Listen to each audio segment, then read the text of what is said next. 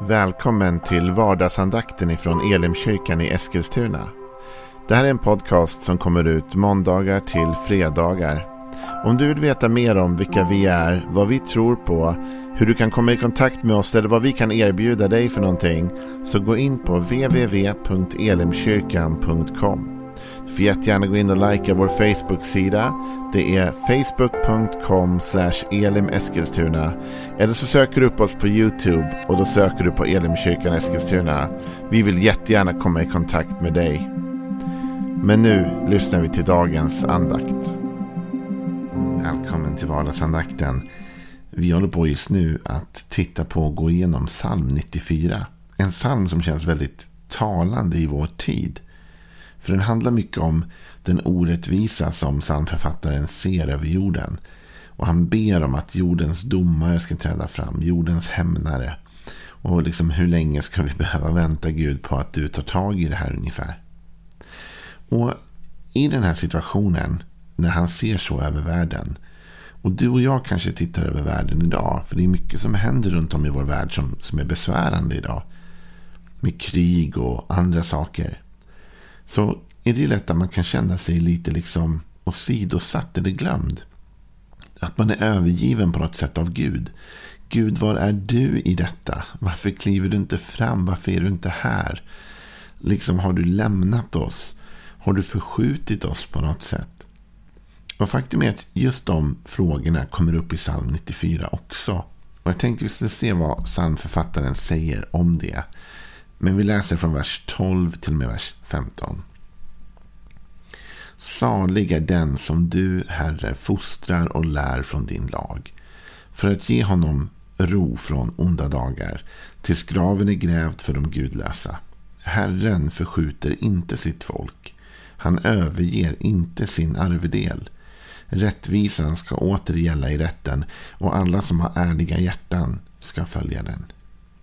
Här talas det om att Gud inte alls förskjuter sitt folk. Och att han inte överger det som är hans arvedel eller hans ansvar, hans rätt. Därför rättvisan kommer åter att gälla i rätten. Så här finns det på något sätt en liten tanke om att även om det just nu känns som att vi är övergivna så är det inte så att Herren har förskjutit oss. Det är inte så att han har övergett eller övergivit oss. Och du och jag, vi behöver kanske se på världen så nu också. Det är inte som det kan kännas ibland att Gud har övergivit oss eller förskjutit oss. Han överger inte sin arvedel, absolut inte. Utan han har koll på oss och i sinom tid kommer rättvisa att skipas. Detsamma kan gälla inte bara världen. Jag menar, du kanske lyssnar till en andakt idag och tänker ja, ja, det är synd att det är som det är världen, men, men jag har nog med mina egna problem ungefär. Ja, så mycket som händer i mitt liv. Men då ska du veta att det är exakt samma i ditt liv. Det kan tyckas och kännas ibland som att Gud har övergett oss. Men han har inte det. Det är bara våra känslor som drar i den riktningen som får oss att tänka så. Och ibland får vi lite hjälp av den onde själv också att, att liksom tänka de tankarna. Men Herren förskjuter inte sitt folk, säger psalmisten. Och han överger inte sin arvedel. Faktum är att det inte bara här i Saltaren som vi hör det temat. Utan i Romarbrevet till exempel. När Paulus ska tala om Israel. Vad har hänt nu med Israel när det här nya förbundet kommer och så vidare. Har Gud nu förkastat, lämnat sitt folk? Och i Romarbrevet 11 så talar faktiskt Paulus några rader om det här. Och han ställer den frågan. Har Gud förkastat sitt folk? Vi läser från Romarbrevet 11 och vers 1. Jag frågar nu, har då Gud förkastat sitt folk? Verkligen inte. Jag är själv israelit av Abrahams ett och av Benjamins stam. Gud har inte förkastat sitt folk som han en gång har erkänt som sitt. Eller vet ni inte vad skriften säger där den talar om Elia? Hur han vänder sig till Gud och anklagar Israel. Herre, de har dödat dina profeter och rivit ner dina altaren. Jag är ensam kvar och de är ute efter mitt liv. Men vad är Guds svar till honom? Jag har lämnat kvar åt mig 7000 man som inte har böjt knä för bal. På samma sätt finns också nu i denna tid en rest som Gud har utvalt av nåd. Men är det av nåd så är det inte av gärningar. Annars vore nåden inte längre nåd. Så här frågar Paulus. Har Gud förskjutit Israel? Har han förskjutit och förkastat sitt eget folk? Verkligen inte, säger Paulus. Gud har inte förkastat sitt folk som han en gång har erkänt som sitt. Alltså Gud släpper inte sitt ansvar. Gud tar inte handen av det, från det som är sitt. Utan det Gud har erkänt Israel som sitt så har han också Israel i sin hand. Och om Gud och du har blivit ett genom att du har gett ditt liv till honom. Liksom, du har tagit emot Jesus som Herre i ditt liv och du har låtit döpa dig och du har liksom blivit ett med Kristus. Då kommer han aldrig att överge dig eller förskjuta dig. Han har erkänt dig som din, som sin. Och om han har erkänt dig som sin så kommer han inte heller att förkasta dig utan han kommer att vara med dig. Sen säger Paulus någonting här som jag tycker är fascinerande och som verkligen också på något sätt spinner an lite till det som vi läste i psalm 94. Och det är detta att vi måste ha ett tidsperspektiv. När du och jag tappar tidsperspektivet då får vi problem. Här tar nämligen Paulus upp exemplet av Elia. Elia som vänder sig till Gud och som anklagar Israel därför att de alla har liksom övergett Gud och de har rivit ner profeternas, de har dödat profeterna, rivit ner deras altaren och så vidare. Och så känner han så här då Paulus, att han är ensam kvar. Och nu står de efter hans liv. Han känner att han är den enda kvar som verkligen står för det här. Guds värden, Guds värderingar, Guds rike, Guds tankar. Han känner att han är den enda som fortfarande bryr sig. Men vad är det då Gud svarar till honom? Säger han så här, ja stackars dig Elia, tänk att det var bara du kvar som hade de här tankarna som liksom älskar mig. Nej, utan han säger jag har lämnat kvar åt mig 7000 man som inte har böjt knä för Baal. Så när, när vi läser den berättelsen så ser vi att Elia hade ett problem. va?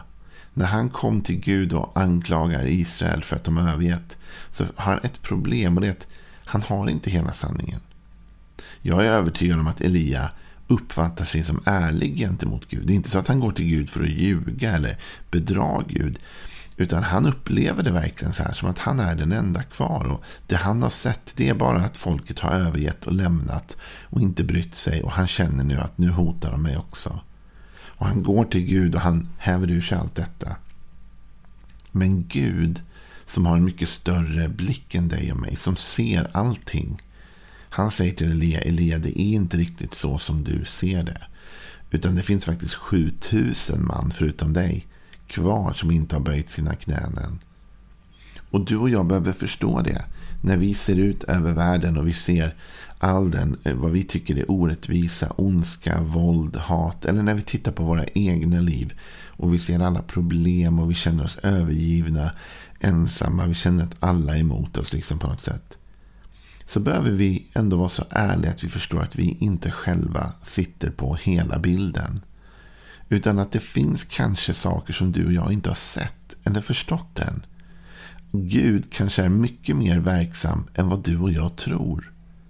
Elia, han trodde att han var ensam kvar och därför kände han sig förskjuten av Gud.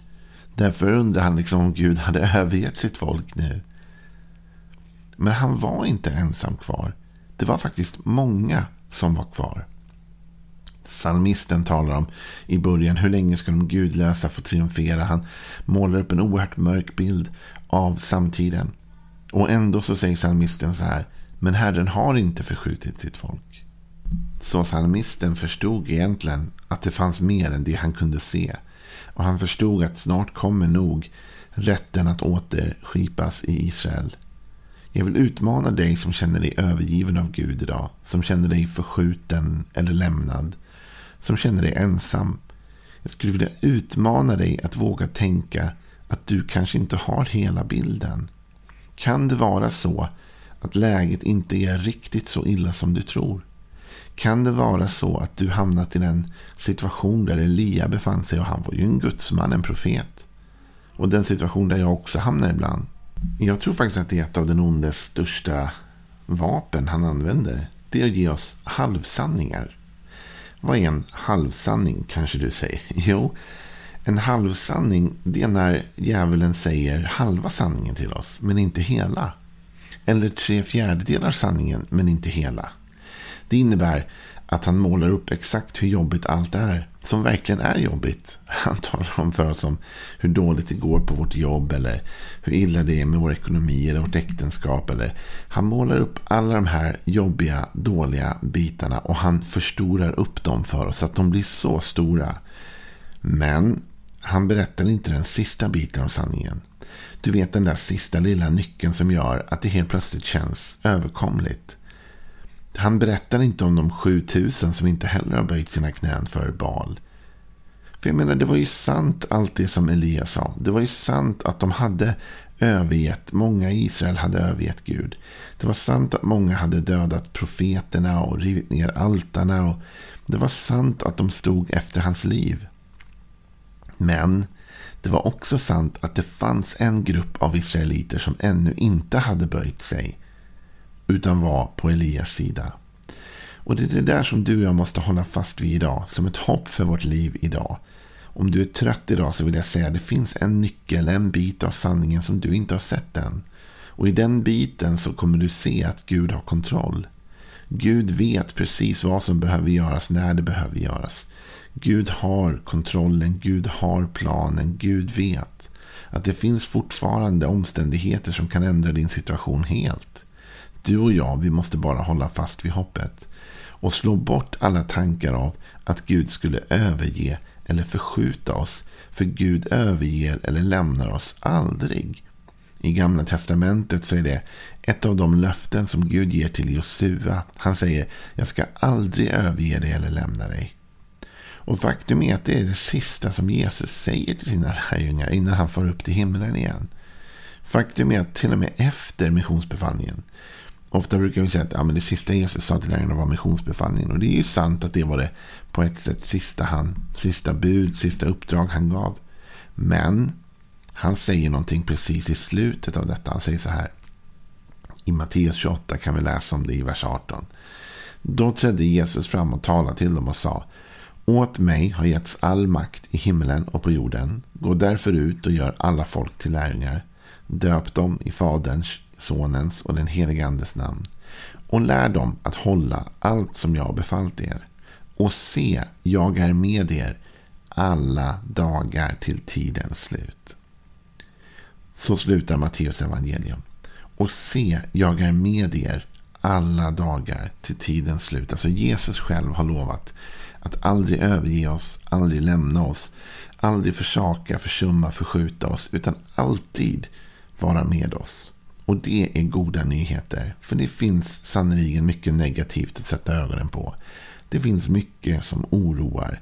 Det finns många saker som kan ge oss både ångest och depression och tyngd i hjärta och själ. Men det är också sant att det finns en del av sanningen som du säkert inte har sett än och som jag inte har sett än.